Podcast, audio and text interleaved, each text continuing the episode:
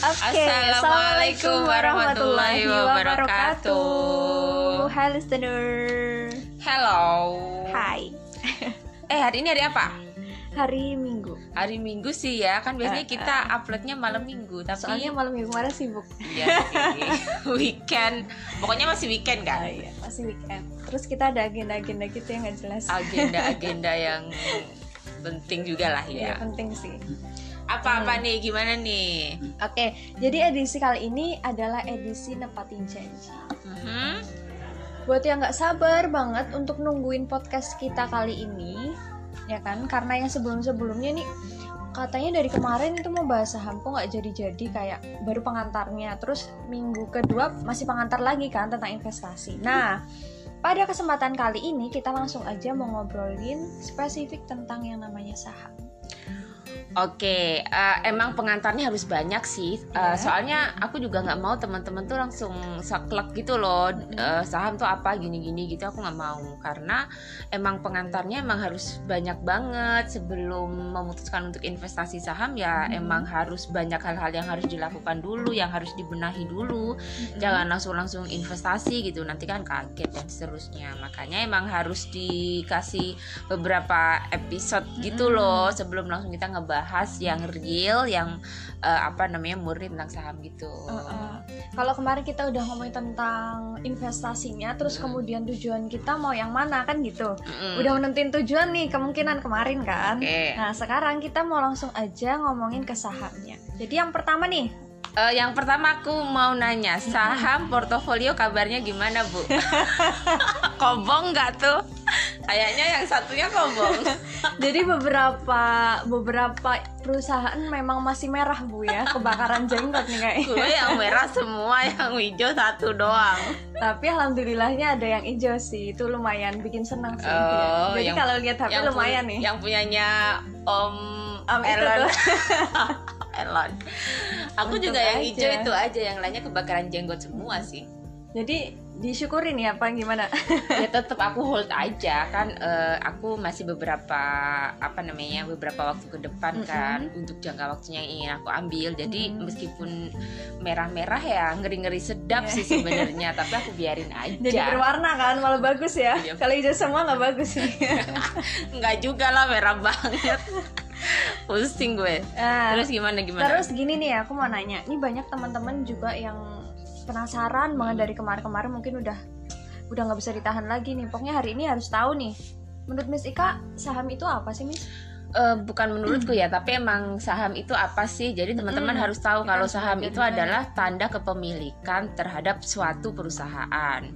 Jadi kalaupun kita beli saham nih satu lot, nah nanti kita akan bicara ya lot itu apa gitu. Itu kita sudah menjadi pemilik dari perusahaan tersebut gitu loh. Dari perusahaan tersebut. Iya, Kak, meskipun kita sudah beli sahamnya hanya satu lot aja, kita Mm-mm. sudah menjadi pemilik saham tersebut. Iya, paling tidak pasti uh, menjadi pemiliknya dari berapa ya? Berapa persen sahamnya ya? 0,00000000001 persen saham tersebut. Tapi ya tetap memiliki gitu. Misalnya kamu beli sahamnya Astra, ada Wow. mobil Fortuner.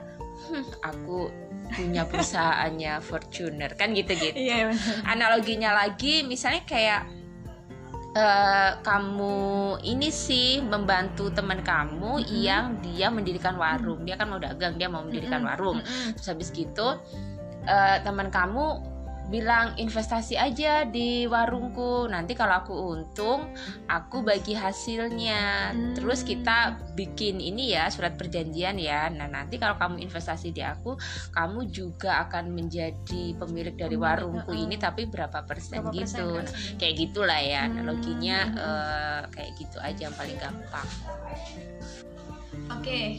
Oh, jadi gitu ya Miss Ika ya. Ya lumayan mudah sebenarnya dipahami ya saham itu gimana. Gampangnya sih emang kayak gitu sih belajar. Nah, kalau Miss sendiri ini belajar belajar investasi, belajar investasi saham gitu ya. Itu dari mana sih? kalau aku sih ak- beberapa bulan terakhir ini ya itu tuh otodidak kalau kalau dibilang otodidak sih otodidak karena emang lagi nggak ada bukan nggak ada kerjaan ada kerjaan sih terus kok eh, kebiasaan waktu pandemi kemarin itu masih terbawa gitu. Jadi aku su- masih suka nontonin YouTube. Dan alhamdulillahnya nontonin itu tentang konten-konten yang bermanfaat gitu loh yang tentang financial planning terus habis gitu investasi dan seterusnya. Akhirnya aku nyampe di beberapa investasi yaitu emas. Kemarin juga termasuk aku belajar ada reksadana. Nggak tapi nggak begitu eh, ini banget sih belajarnya. Terus akhirnya ke menuju ke saham ini. Dan juga diawali dari sering nonton kontennya Raditya Dika sih Oh, iya, dan dia tuh bener-bener. bagus banget sih. Emang eh, apa ya isi otaknya tuh bagus banget loh tentang financial planning keluarganya dia terus dia sendiri terus eh, apalah dia suka ngasih motivasi gitu buat investasi eh, dan suka ngasih tahu caranya gimana apa namanya beli saham gitu loh. Jadi ya udah aku tuh belajar sendiri kayaknya 2-3 bulan deh aku belajar itu dari YouTube, dari Google, dari YouTube, dari Google saham itu apa, cara belinya gimana, terus dia keuntungannya apa, kerugiannya apa, resikonya apa, terus nanti bagaimana ke depannya dan seterusnya itu aku uh, full belajar sendiri, nggak ada mentor, mentornya semua influencer, semua orang-orang yang ada di YouTube itu sih. Oh, dan akhirnya di 3 sampai 4 bulan belajar itu akhirnya Hmm. memberanikan diri untuk ya aku harus nyoba nih gitu.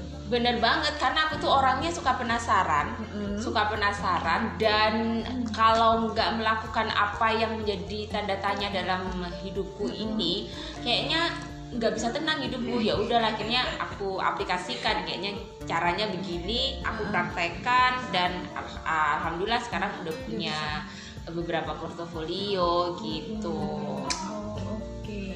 Nah, terus nih Miss Ika, kalau di investasi itu apa aja sih keuntungan dan kerugiannya? Eh, di saham ya Di saham gitu. spesial di saham Saham. Eh, investasi itu semua ada resikonya ya Mm-mm. Jadi, tapi gini loh, investasi itu Mm-mm. ada resikonya. Iya. Gak investasi juga pasti ada resikonya gitu loh. Oh, iya. Jadi kalau buat teman-teman yang masih takut investasi, ya mikir pikir yang bener-bener apa ya logis, Logis gitu aja. loh. Ah kalau misalnya ah kalau mau investasi itu eh, resikonya tinggi gitu, mending aku nggak invest saja biar eh, nggak ada resikonya. Kayak gini loh, kamu milih nggak punya resiko tapi bisa jadi kamu tetap akan kena resiko resikonya. gitu. Kayak mis ada ada ada contohnya nih. Mm-mm. ada orang jalan di trotoar. Yes. tahu-tahu kan udah bener nih jalan di trotoar. Ah. trotoar kan memang haknya peng- pengguna jalan. jalan, ya. Ah. tahu-tahu ada orang mabok Heeh. naik mobil terus nabrak mereka. Ha-ha. siapa yang salah? Mereka nggak salah kan tapi akhirnya mati juga. Padahal udah ikhtiar padahal udah ikhtiar jalan di eh, trotoar kurang apa coba? Nah itu sih contohnya bagi teman-teman yang masih takut investasi gitu. Investasi itu ada resikonya. Kalau investasi aja resik ada resikonya kalau nggak investasi pasti juga lebih ada resikonya. Resikonya apa? Ya kita nggak punya pegangan akhirnya Hmm, gitu. Ya kan? Iya. nah untuk kerugian keuntungan dan kerugian saham sendiri emang ya pasti ada. Kalau keuntungannya saham itu kalau kamu butuh investasi yang high return pasti dia juga punya high risk gitu ya Hmm. Returnnya returnnya tinggi Mhm. returnnya tinggi tapi resikonya juga tinggi, Juga tinggi. pastilah Mhm. masa mau untung tinggi doang tapi resikonya nggak mau nggak mau yang tinggi juga gitu. Nah kalau di saham sendiri keuntungannya tuh ada dua. Kamu kalau eh, di saham bisa dapat capital gain sama dividen. Capital gain itu Apa sih? Capital gain itu eh, naiknya harga saham. Naiknya harga saham. Mm-mm. Ya kayak eh, apa ya kue-kue aja lah, kayak barang-barang aja lah kan dulu harganya berapa sih? Sekarang jadi berapa gitu kan? Kalau setiap tahun harga barang-barang aja naik, pasti saham kan Saham juga akan naik. naik gitu loh. Jadi keuntungan dari investasi saham kamu bisa dapat capital gain ya. Hmm. naiknya harga saham itu namanya capital gain. Terus kedua adalah dari dividen. Dividen itu adalah keuntungan dari perusahaan yang dibagikan ke semua investornya gitu. Tiap tiap tahun tapi ada juga loh perusahaan yang dia tidak membagikan dividen. Jadi kalau kamu mau beli saham itu lihat-lihat dulu perusahaan ini kira-kira dia eh, Ngasih dividen nggak? ngasih Gitu. dividen nggak? Dia bermurah hati buat bagi dividen nggak? Karena ada juga perusahaan yang dia nggak mau bagi dividen. Ada juga perusahaan yang setahun bagi dividennya Dua dua, kali kali, ya? Hmm, yang sekali gitu. Double nih jadi ya gitu dapat keuntungan juga dari dividen Nah, atau keuntungan keuntungan perusahaan yang dibagikan da- eh, kepada investor. Investor. Misalnya nih kamu beli sahamnya perusahaan A, perusahaan Hmm. A ini satu tahun dia sudah dapat eh, laba misalnya 50 triliun misalnya. Terus udah dikurangi dengan kebutuhan-kebutuhan mereka dulu ya yang bayar karyawan mereka lah, yang eh, buat biaya produksi mereka lagi. Habis gitu kalau masih ada sisanya itu akan dibagikan ke investor. Hmm, Nilainya oh, per lembar harga saham yang dijual mereka. Gitu. oke oke Terus eh, ada lagi tuh keuntungannya kalau menurutku pribadi sih. Mm-mm. Nah, ini juga alasanku kenapa kenapa aku mau Akhirnya. investasi saham ya. Saham. Selain itu keuntungan lain ya menurutku pribadi itu saham tuh nggak ribet sih. nggak ribetnya gimana Nggak ribet, nggak aku nggak harus aku nggak harus ngelola itu seperti aku beli sawah atau properti Oh. atau emas aku harus nyimpen Iya, kan iya, iya. ribet kan aku takut dan nyimpen barang berharga gitu. Terus liquidnya itu gampang apa itu liquid liquid itu eh, cairnya gampang gitu loh pencairannya. Hmm, pencairannya gampang coba kalau kamu investasi di properti misalnya rumah pasti kan nggak nggak mungkin nggak bisa nggak bisa ya? cepet gitu loh Heeh. orang kalau jualan rumah kan pasti orang masih lihat-lihat dulu rumahnya dan seterusnya dan seterusnya.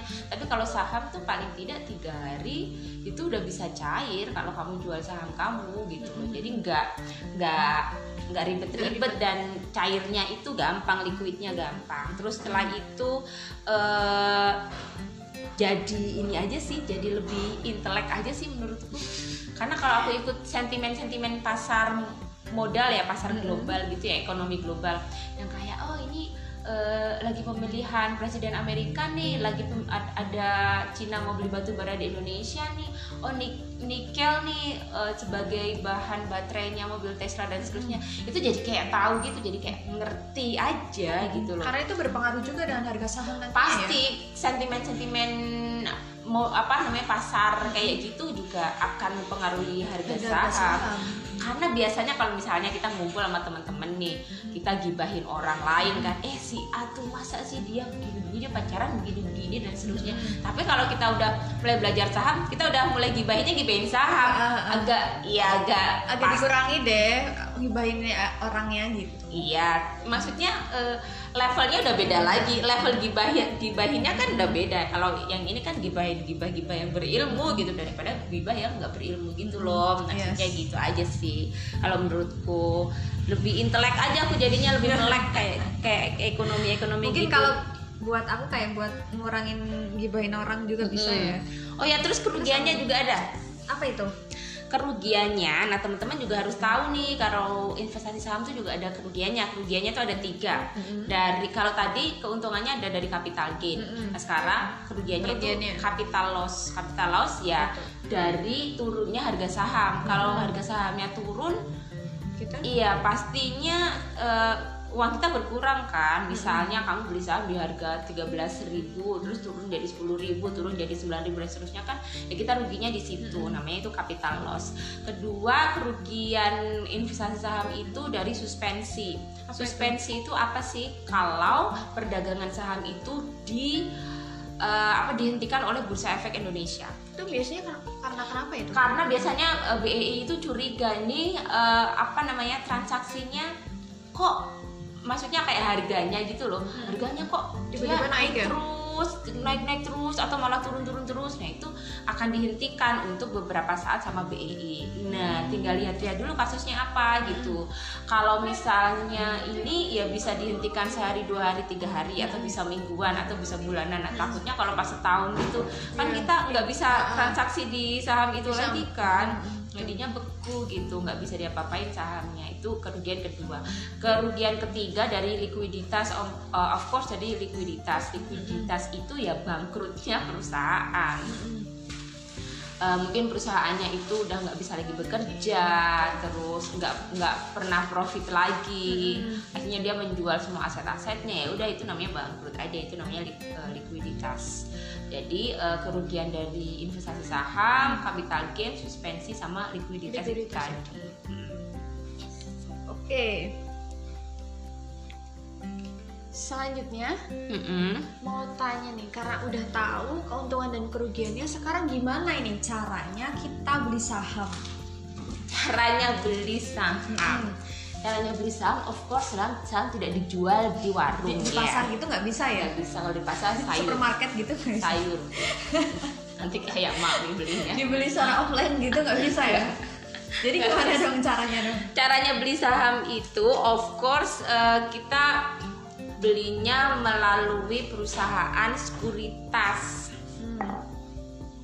caranya caranya kalau investor retail seperti kita ya kan kita beli sahamnya nggak mungkin banyak-banyak ya bu Iya. kita pasti belinya ya semampu kita semua belum miliaran dong Mm-mm. Jadi kita itu belinya melalui perusahaan sekuritas, belinya di BEI. Bursa Efek Indonesia sana. Tapi kita nggak bisa langsung beli di sana, Di kita belinya melalui perusahaan sekuritas. Terus, nah apa itu perusahaan sekuritas tuh? Kayaknya asing banget di telingaku ya. Perus- perusahaan sekuritas itu adalah perusahaan yang menjadi perantara kita, kamu tuh Kita, yang oke. mau beli saham.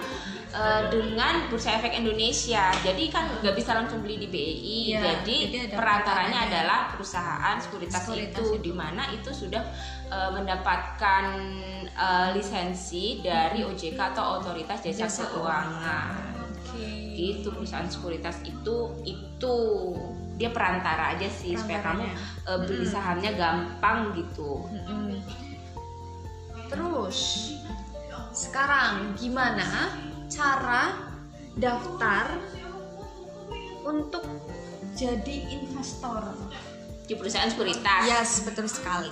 caranya daftar iya eh, perusahaan sekuritas itu kan banyak ya Mm-mm. jadi kamu tinggal ini aja tinggal mau milih aja mau perusahaan sekuritas yang apa gitu kan Eh, jadi macam-macam kan perusahaan sekuritas itu ada contohnya nih ada Mirai Aset, ada Indo Premier, ada Mandiri Sekuritas, BCA Sekuritas, BNI Sekuritas dan seterusnya gitu kan.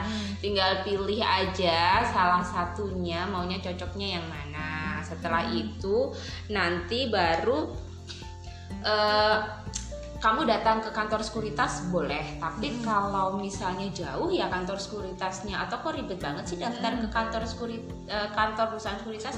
Ya udah langsung ini aja eh, download aplikasinya. Kan gampang. Bisa gitu ya jadi bisa banget. gitu ya? bisa. Bisa daftar online gitu. Aku kan eh, ambilnya di Mandiri Sekuritas kan. Eh, terus dulu itu pernah gini pikiranku gini ah aku mau ke kantornya langsung aja langsung aja lah supaya aku bisa nanya-nanya lebih gitu tentang Iya. saham tuh gimana gitu kan Terus. Nah akhirnya karena masih pandemi ini kan dan kantor sekuritas di sini kan adanya di Malang. Mm-mm. Nah waktu itu ada ceritanya Malang Malang tutup lah, apa ditutup lah dan segala macam. Ya udah akhirnya aku coba untuk daftar online dengan download aplikasinya. Pertama kali sih agak susah ya. Terus kayaknya aku udah hopeless gitu. Aduh, kenapa sih gini-gini aja susah? Ah, males ah. Ya udah, nanti aku ke kantornya aja. Kantornya Eh, aja. taunya ternyata eh, dapat email lagi terus suruh melanjutin pendaftaran dan terus akhirnya berhasil Berhasil. dan dapat RDN. RDN itu adalah rekening dana nasabah. Sudah pokoknya sudah download aplikasinya terus nanti ikuti terus permintaan mereka apa ya maksudnya ikutin petunjuknya cara daftarnya apa misalnya kalau ya. suruh masukin NPWP masukin suruh ma- masukin nomor KTP masukin suruh Hmm. masukin apa tujuannya apa segala macam umur apa segala macam masukin aja kalau udah nanti pasti akan dapat eh, konfirmasi terus akhirnya akan dapat RDN pasti butuh beberapa waktu yang lama karena ada sekuritas yang gampang daftarnya ada yang ada yang susah ya. lama kita harus sabar juga ya bener ada seminggu dua minggu sampai sebulan juga ada Hmm. gitu Nah, tadi udah beberapa mesti kan singgung-singgung perusahaan sekuritas. Nah, kalau kita udah tahu nih beberapa macam perusahaan sekuritas, sekarang bagaimana sih cara memilih perusahaan sekuritas yang baik? cara memilih perusahaan sekuritas yang baik itu eh kamu pakainya ajaib ya Biar jadi ajaib dong. berarti Indo Premier kamu nggak pakai lagi pot enggak, enggak aku lanjutin soalnya itu ya. karena ribet gitu atau kamu sampai sekarang belum dapat RDN Belum, belum belum tak selesaiin. oh karena kamu selesaiin belum gitu. selesaiin aja kali Heeh. ya Kalau udah selesai pasti akan Hmm. gampang ya. Iya, oh gitu. Ajaib itu aku juga baru tahu sih. Cuman kalau mau milih-milih perusahaan sekuritas itu pastinya ya eh, mereka punya kelebihan sendiri-sendiri Iya, kan. betul. kalau aku pribadi ada tips-tipsnya. Milih perusahaan sekuritas yang dia nggak ribet kalau daftar. Yes. Kan ada yang dia butuh NPWP, ada yang Iya, nggak benar, butuh, bener kan? Yes. Terus kedua, carilah sekuritas yang dia modal awalnya sedikit. Kan ada beberapa sekuritas yang dia mewajibkan modal awal 10 juta. Mm-mm.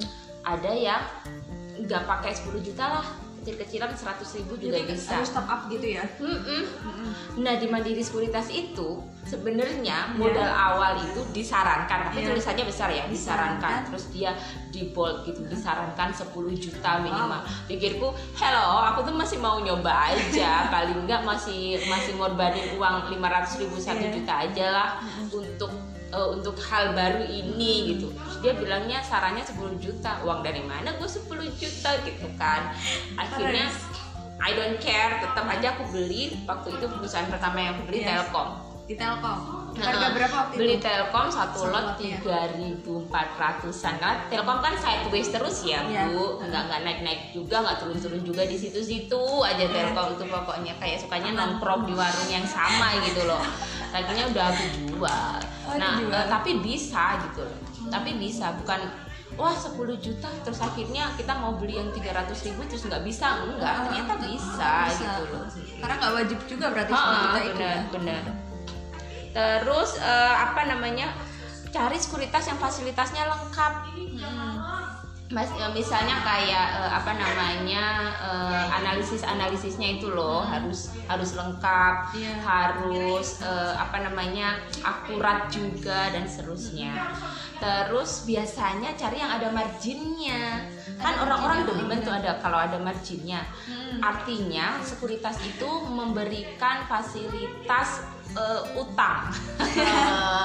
Kalau ada limit. nih. Ya benar-benar. Remain trade limit aku tuh nggak tahu ajaib soalnya. Karena kalau di em, di MOS itu di Mandiri Sekuritas tuh ada kan aku curiga kenapa ya cashku segini kok tapi ini di bawahnya ada lagi gitu yang eh, yang lebih banyak gitu kan ternyata aku lihat lagi di YouTube dia adalah utangan gitu Oke, jadi eh, kalau memang pilih-pilih perusahaan sekuritas itu yang lengkap gitu loh fasilitasnya kalau mau sih. Tapi kalau biasanya temenku bilang untuk sekuritas yang syariah itu nggak ada nggak ada gituannya, nggak ada marginnya ada katanya marginnya. sih kar- karena dia pakai sekuritas eh, perusahaan sekuritas yang syariah dan dia bilang kok aku nggak ada gitunya ya kak?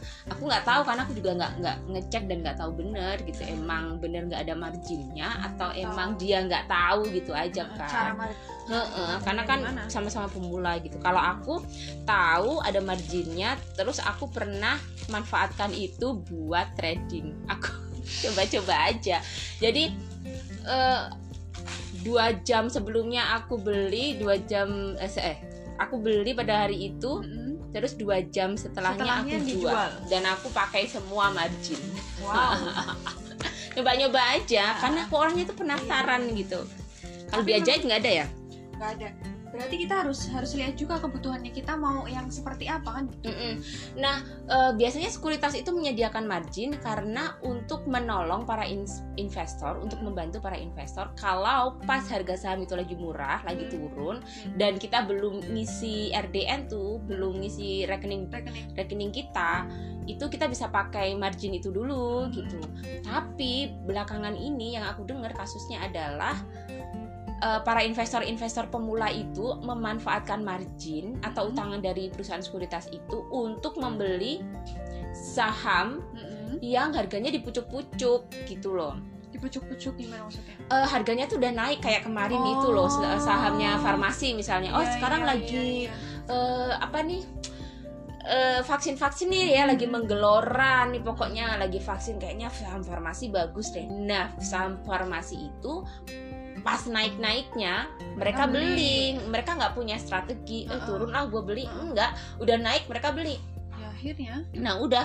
Sampai mereka yakin kan, mereka yakin banget dan mereka mencurahkan segenap jiwa raga mereka untuk membeli saham itu kayak ada yang eh, gadein rumah, ada yang sampai jual mobil itu kan, Iya. ada yang sampai utang, ada yang sampai uang PKK dipakai, uang sekolah anaknya dipakai dengan keyakinan saham farmasi bakal ini naik lagi bakalan naik lagi. Padahal kan strateginya nggak itu gitu. pas lagi tinggi tingginya Bener, bener. Dan kalau udah tinggi tingginya pasti nih ada turunnya juga dan seterusnya kan.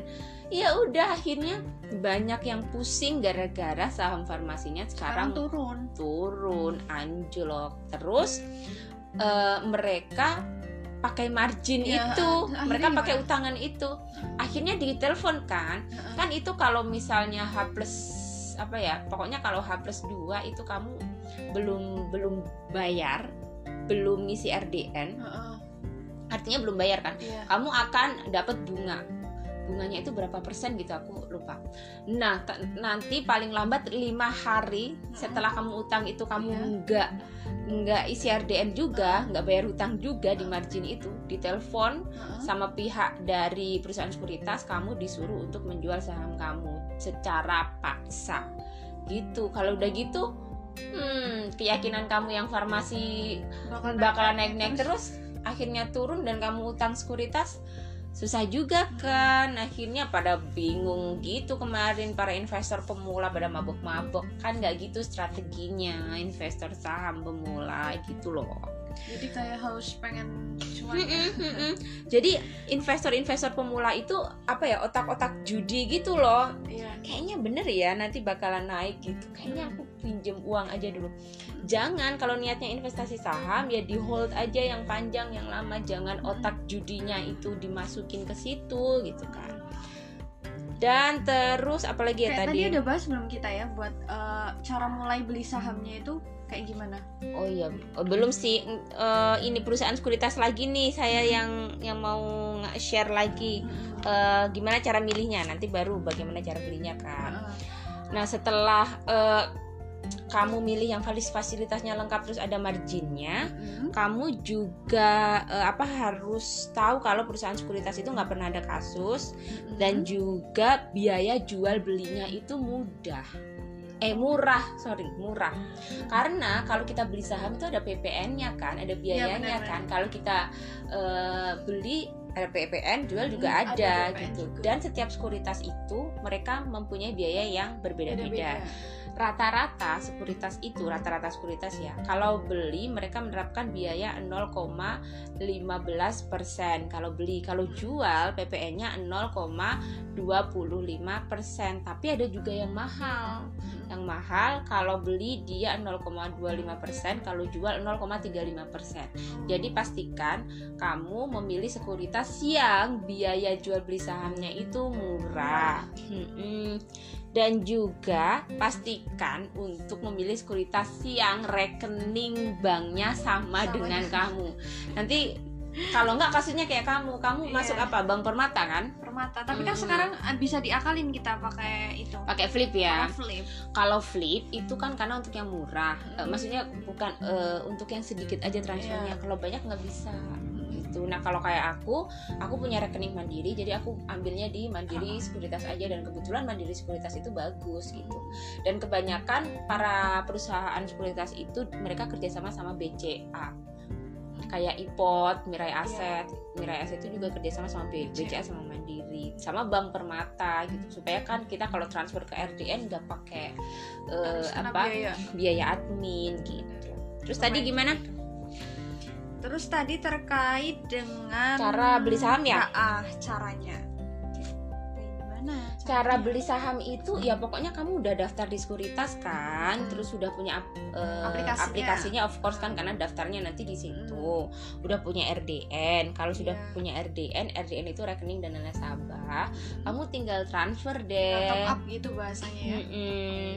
Mm-mm, ke rekening dana nasabah tersebut pokoknya semua nanti ada di aplikasi itu kan saham apa yang kamu mau kamu mau beli gitu kan saham A nanti harganya berapa per lembarnya Ber- berarti aku harganya eh, belinya satu lotnya berapa dan Minimal seterusnya. satu lot gitu ya harus. minimal satu lot oh ya teman-teman juga harus tahu nih beli saham itu nggak bisa belinya eh, apa ya saham itu kan lembar-lembar nggak bisa Iya. beli selembar dua lembar tuh enggak Hmm. jadi kita harus belinya satu lot satu lot itu berisi Isinya? 100 lembar 100 lembar. 100 lembar ya. Jadi kalau misalnya eh, ada suatu perusahaan yang harga satu lembarnya itu tiga ribuan ya Mm-mm. tiga ribuan berarti kalau dibeli satu lot nanti kamu tiga ribu lah ya. Berarti kamu nanti bayarnya 300 ribu untuk satu eh, untuk per satu lotnya itu. Untuk harga-harga saham sendiri kan bervariasi ya bu. Mm-mm. Ya tergantung pengen beli saham yang seperti apa gitu. Ada yang mahal juga ada yang murah juga. Nah perbedaan harga saham itu ya tergantung dengan perusahaannya masing-masing juga. Ada perusahaan besar perusahaan kecil gitu. Yang modalnya besar dan modalnya kecil kemudian yang profitnya banyak dan enggak. Itu menentukan eh, tingginya harga saham. dan murahnya harga saham itu loh maksudnya. Berarti satu lot tuh nggak nggak kayak harus kita harus punya sekian juta harus sekian sekian puluh juta itu enggak ya? Ternyata murah-murah juga lumayan. Mm, iya karena kan eh, orang-orang awam dulu kan kita juga mikirnya gitu ya. Iya. kalau investasi saham itu ini. pasti mahal pasti orang-orang gede aja orang-orang kaya aja. Investasi. Mm-mm. ternyata enggak. Kamu dengan uang berapa kamu beli abah? 80 enggak Eh, lah enggak. tiga puluh lima ribu Ya, 35. jadi itu teman-teman bisa. Jadi pas awal-awal kan kayak belajar gitu kan. Abah sih? Abah ya? Apa sih? Gue lupa sih. Soalnya dia yang pas aku pertama Mahaka ya kayak Mahaka Media kan? Iya, eh Mahaka Media. Iya ya sama Sido Jadi teman-teman saham tuh 100.000 harganya ada yang murah-murah, ada yang murah banget di bawah 100 ribu. Kamu nggak perlu khawatir gitu loh. Saham mahal nih? Enggak.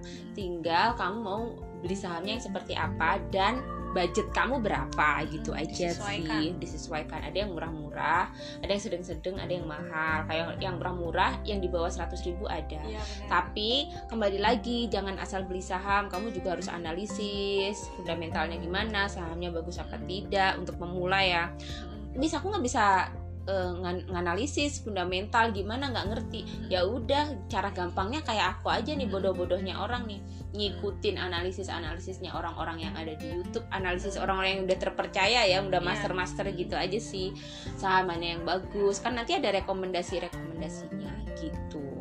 Kayak saham kamu harganya 350 perak. Jadi kalau beli satu lot 35.000 uh, udah udah beli satu lot. Kamu udah merasa mempunyai perusahaan tersebut. Terus kamu beli sido muncul di harga? Di harga 80 sekarang kebakaran jenggot.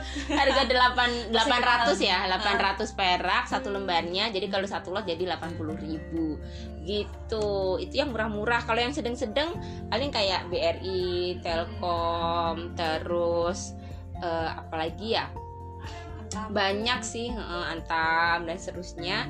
Itu harganya sedang aja sih menurutku. Karena ratusan ribu udah bisa beli satu lot. Nah kalau yang mahal-mahal kayak sahamnya gudang garam BCA BCA dan seterusnya itu lumayan sih. Kalau misalnya gudang garam aja sekarang 38.000 ya satu lembarnya. Kalau mau beli kan minimal satu lot berarti kamu harus merogoh kocek 3 juta 800an gitu loh untuk beli satu lot sahamnya gudang garam. Gitu. Oh, menarik. Ini pasti habis ini langsung teman-teman udah mulai tancap gas nih. Oh, oh, jadi jangan takut kalau saham itu mahal. Enggak, teman-teman, di bawah 100 ribu ada. Tapi ingat ya sekali lagi, saya tekankan lihat perusahaannya bagus apa enggak jangan anggerto. Anggerto itu ngawur gitu loh bahasa. Bahasa Jawa itu anggerto. Kalau misalnya dia nanya nih, sebaiknya saham apa sih yang dibeli? Itu bergantung sama apa nih? Sebaiknya saham apa yang be- dibeli? Oke, pertanyaan yang bagus sih. Sebagai investor pemula, Hmm. itu eh, mending kamu beli saham-saham yang produknya itu kamu li- bisa lihat setiap hari aja yang ada di sekeliling kamu setiap hari gitu. Paling nggak ribetnya gitu deh analoginya gitu. Yang apa ya produk-produknya tuh kamu pakai aja setiap hari. Kayak misalnya Pepsodent, Lifebuoy, Sunsilk, Heeh, kamu makan Indomie dan seterusnya. Kalau kayak Pepsodent dan seterusnya itu perusahaannya namanya Unilever. Kamu bisa beli perusahaannya Unilever dengan keyakinan bahwa oh 10 tahun lagi eh, Unilever ini akan tetap ada. Kenapa? Karena kebutuhan-kebutuhan dasar orang-orang itu diproduksi gitu sama Unilever kayak sampo, sabun, ada Fixal, ada Molto, ada deterjen dan seterusnya gitu.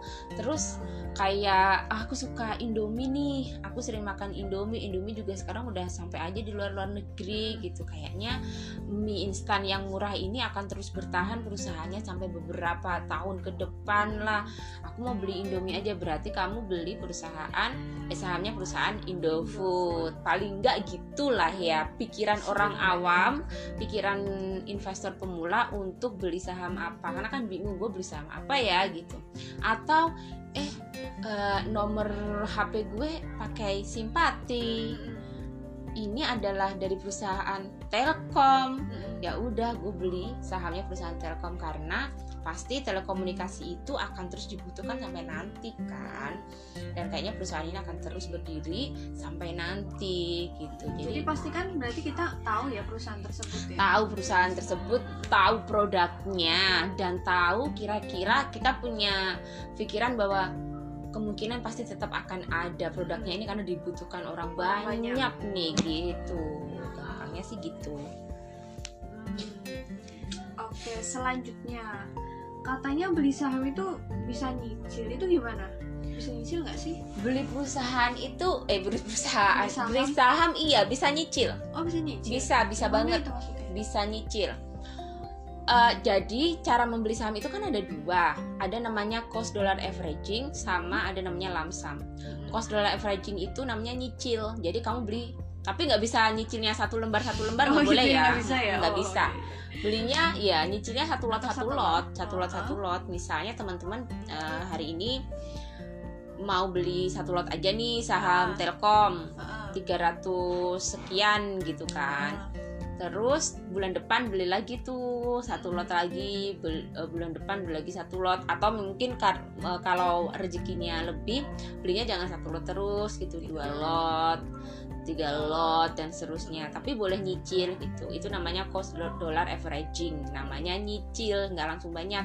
Kalau yang kedua namanya lamsam lamsam itu kamu punya duit banyak dan langsung kamu beliin saham langsung pek. Di satu perusahaan. eh, di awal. Bisa di satu perusahaan atau di beberapa perusahaan. Karena kalau strateginya investor eh, yang udah kelas-kelas eh, eh, itu mereka akan portofolionya nggak hanya satu saham beberapa saham. Karena untuk menghindari kalau ada yang merah mungkin nanti yang satunya biru dan seterusnya. Jadi nggak ada yang paling eh, menyelamatkan gitu loh. Dan untuk pemula usahakan untuk minimal tiga tiga saham gitu loh. Di portofolionya tiga saham yang berbeda di portofolionya gitu.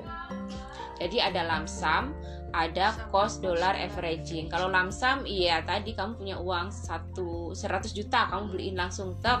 Atau satu miliar kamu beliin langsung tek gitu. Eh, enaknya kalau lamsam itu kalau pas kamu beli di harga murah itu ya untungnya kamu dapat harga murahnya semua gitu. Kamu bisa mendapatkan banyak banyak berlot-lot saham itu dengan harga murah Murah. gitu nah kalau nyicil kan pasti semakin nanti semakin nanti kan harga bisa jadi naik kan. Nah pas naik kamu Beli. eh, beli. Tapi nggak apa-apa. Tetap aja naik tetap beli. Karena kita kan memang sistemnya nyicil. Dan itu nggak nggak pengaruh juga. Yang penting kan nanti di akhirnya gimana tujuan kita di akhirnya kan jangka karena kita kan panjang untuk jangka panjang. Gitu itu tadi termasuk ini nggak sih mis kayak strategi beli saham strategi beli saham? Beli stra- eh, iya sih termasuk strategi beli saham. Itu bu apa ya? Lamsam sama cost dollar averaging itu caranya beli saham ada dua. Oh, nah yang strateginya itu tadi. Porto kamu portofolio kamu jangan hanya diisi satu tapi diisi beberapa saham. Katanya investor kelas kakap dunia Mbah Warren Buffett don't put your egg in the one basket. Jangan taruh telur kamu di satu satu keranjang. Karena kan nanti kalau keranjangnya jatuh pecah semua telurnya. Ya taruh di sana sana sana gitu. Gitu terus strateginya. Terus kayak beli emas juga sih kalau turun beli kalau naik jual. Gitu strategi beli saham. Setauku ya nah, strategi-strategi yang aku eh, catat dari investor-investor yang udah berpengalaman gitu. Kalau turun ya beli kalau naik jual. Tapi kalau emang jangan eh udah naik gue jual. Baru beberapa minggu naik kamu jual. Jangan. Ya tergantung target investasi kamu berapa lama jangkanya gitu. Kalau memang 10 tahun lagi atau tujuh tahun lagi atau lima tahun lagi ya udah jualnya nanti aja gitu. Terus kamu juga harus beli saham yang fundamentalnya bagus jangan sampai yang enggak gitu. Nanti tak takutnya kamu beli saham udah ditunggu bertahun-tahun tapi sahamnya nggak naik-naik kan rugi rugi waktu kamu. Gitu. Saham yang eh, pilih saham yang fundamentalnya bagus yang dia selalu profit yang dia selalu eh, apa ya progresnya bagus ke depannya gitu yang selalu ngasih laba selalu profit gitu. Kalau enggak kan ada kan kasusnya orang yang dia udah investasi saham selama 10 tahun sahamnya itu enggak naik-naik harganya segitu-gitu aja coba kan kamu rugi waktu selama 10 tahun nungguin harga saham naik tapi dia nggak naik-naik. Naik-naik. Karena fundamentalnya nggak nggak bagus dan dia perusahaan tersebut tidak bertumbuh tidak menghasil- menghasilkan profit setiap tahunnya. Gitu. Cepet ganti aja. Pokoknya kalau beberapa tahun ini sahamnya kok kelihatannya di analisis nggak bagus-bagus perusahaannya nggak tumbuh-tumbuh nggak profit-profit ganti pindah aja ambil aja terus pindahin ke saham yang profitnya bagus yang selalu bertumbuh. Dan juga misalnya eh, gini ya mis aku tuh nggak mau ribet ngurusin kayak gitu gitulah iya benar. Berarti kamu beli saham yang fundamentalnya bagus yang blue chip dari perusahaan-perusahaan gede karena dia harganya stabil. Dia akan naik tapi naiknya itu pelan-pelan karena kan dia harganya stabil. Iya. Dia akan naik tuh tek tek tek tek tek, tek. tapi dia pelan-pelan naiknya. Jadi Oh, kamu harus pasti gitu ya? Pelan tapi pasti karena dia kapitalnya besar dan eh, fundamentalnya bagus. Tapi kalau kayak aku sekarang ngambil saham yang beresiko, yang fluktuatif banget, itu nggak bisa ditinggal merem. Dikit-dikit harus lihat, dikit-dikit harus lihat. Tapi emang aku lagi mau belajar sih, nggak apa-apa. Aku menempatkan uangku di saham-saham yang beresiko, yang fluktuatif, yang kalau lagi naik naik banget, kalau yang lagi turun turun banget gitu. Tapi kalau teman-teman nggak mau kayak gitu, takut ya jangan deh mending beli saham yang blue ya. chip aja lah gitu. Nah ini buat teman-teman yang baru dan mau akan memulai untuk kita tahu ini perusahaannya blue chip atau enggak itu biasanya dapat informasi dari mana kita cari? Eh, untuk tahu perusahaannya blue chip dari mana sering-sering baca aja kan di Google ada tuh perusahaan blue chip tuh apa terus habis gitu di YouTube juga ada Eh, jadi perusahaan itu dibagi menjadi tiga. Ada perusahaan first first liner second liner sama third liner. Perusahaan yang first liner itu dinamakan juga perusahaan blue chip. Yang kapitalisnya dia itu eh, 10 triliun lebih. Jadi modal dia itu Oh, modal dia. 10 triliun lebih di atas 10 triliun. Itu perusahaan-perusahaan yang sudah besar dan dia itu eh, apa namanya selalu bertumbuh dan profitnya bagus. Itu perusahaan blue chip. Nah teman-teman kalau mau aman beli saham-saham di situ aja di perusahaan blue chip aja. Nah perusahaan yang kedua itu namanya perusahaan second liner. Biasanya kapitalisnya dia itu eh, mencapai 500 miliar sampai 10 triliun. Dia harganya harga sahamnya fluktuatif gitu loh naik turun naik turun gitu. Kalau blue chip kan stabil tapi naik kan. Kalau yang second liner itu dia fluktuatif. Kalau naik naik banget. Kalau turun turun banget gitu. Tapi dia uh, profitnya ya perusahaannya ber, masih selalu progres progresnya bagus dan selalu berkembang juga untuk second liner Terus yang ketiga itu perusahaan third liner. Ini perusahaan yang kapitalisnya itu kecil di berapa ya di bawah 500 miliar kalau nggak salah ya segitu. Nah perusahaan-perusahaan kayak gini karena dia kapitalisnya kecil, jadi eh, harga sahamnya itu bisa dipermainkan bisa kamu pernah dengar nggak harga saham apa saham gorengan? pernah dengar saham gorengan. Jadi dia tuh bisa di, dipermainkan harga sahamnya. Kalau saham-saham blue chip kan susah karena kapitalisnya kan besar ya. gitu kan. Nah kalau yang kecil-kecil begini yang set liner itu bisa dipermainkan harganya bisa sangat-sangat eh, tinggi, Tinggi banget, tanpa didasari oleh fundamentalnya yang yang bagus. bagus. Tahu-tahu harganya naik. Nah, nanti habis itu turun deh, jelek gitu. Nah, itu namanya apa? Sahamnya digoreng ada orang yang masukin dananya kalau bandar saham itu ya. Kata-katanya nih katanya nih yang yang aku tahu. Dia akan memasukkan sejumlah uangnya sebesar kalau mungkin bisa jadi triliun ya nggak hanya miliar. Tapi kalau yang kecil-kecil mungkin bisa jadi berapa ratus miliar ya untuk uh, perusahaan third liner bisa goreng saham gitu. Nah kalau uh, saham itu dibeli dengan banyak kan nanti harganya naik. naik. Nah orang-orang akan pada ini ya. pada pingin oh kok dia naik terus naik terus naik terus naik terus? nih, gitu. Mm-mm. Bagus nih dan murah lagi. Ya udah beli aja. Beli tuh akhirnya. Nah setelah orang-orang pada beli si bandar ini ngambil duitnya. Set akhirnya kan harganya Turun. turun. Nah kat- gorengan tuh katanya sih gitu. Ya? Nah temanku itu yang eh, apa? Beli di satu perusahaan? Eh, beli di satu perusahaan yang kemarin kemarin waktu aku upload cerita-cerita atau story-story tentang saham dia oh kak aku juga ini sih sekarang aku lagi invest saham tapi satunya lagi trading dan aku terjebak saham gorengan dia bilangnya. Beneran lu iya gitu. Ya gitu ternyata saham gorengan aku kan pertama nggak tahu saham gorengan apa sih.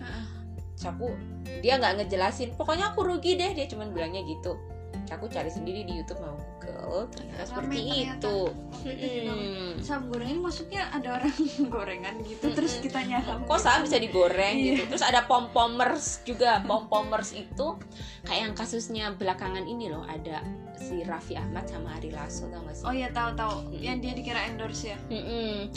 padahal gimana sih endorse juga nggak sih kayak ya memang modelnya kayak endorse sekarang gini loh Oh. kalau beli saham itu kan eh, orang-orang harus analisis dulu kan Heeh, heeh, benar. ini sahamnya bagus nggak dan seterusnya. Nah kalau misalnya artis-artis yang lain kayak Raditya Dika tuh kan Iya. ngasih pengertian dulu gimana caranya ngelola keuangan, gimana ada gimana caranya berinvestasi, terus dia ngasih tahu apa sih obligasi, reksadana, deposito sampai saham, terus cara-caranya beli saham. Kalau Raffi sama Ari Lasso nggak bener-bener Langsung. kayak iklan yang beli saham ini.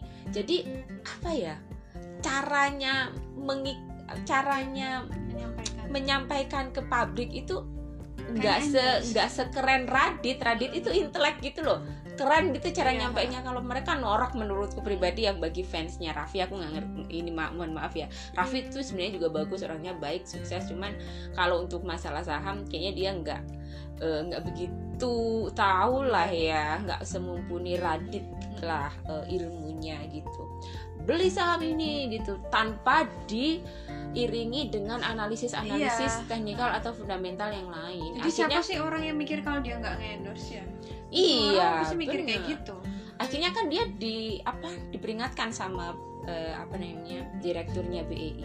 Jangan gitu caranya, gitu. Iya. Itu namanya pom-pomers eh, Sama influencer-influencer yang menyuruh para orang-orang ini membeli saham tanpa diiringi dengan analisis fundamental dan teknikal yang baik gitu. Oke bagi yang penasaran beritanya bisa langsung dilihat aja. Masih ada apa sih Raffi sama Ari Lasso bukan urusan nyanyi ya. Terus selanjutnya tadi strategi udah ya? Strategi udah ya tadi? Strategi ya itu tadi uh, di belinya kayak emas beli saham itu. Kalau turun ya beli aja. Kalau naik Nah. jual gitu seterusnya tadi Nah, terus oke tadi kayak sedikit banyak singgung tentang yang trader sekarang apa sih bedanya investor sama trader investor sama trader Oh, Mr. Aan tuh trader. Tapi dia trader kelas kecil lah ya, masih teri lah ya. Oh, halo Mr. Aan halo Karena dia dulu gue trading gini gini gini gini gitu. Tapi apa ya?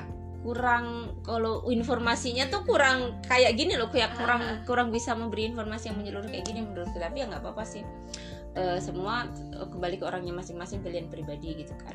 Kalau trader sama investor of course berbeda banget. Kalau investor itu dia lebih melihat ke apa namanya sahamnya bagus enggak fundamentalnya bagus enggak terus kemudian dia lebih melihat ke jangka panjangnya. Tapi kalau eh, trader itu dia lebih melihat ke trennya sekarang apa dan dia jangka waktunya itu pendek karena kan trader itu kan dia jual beli saham.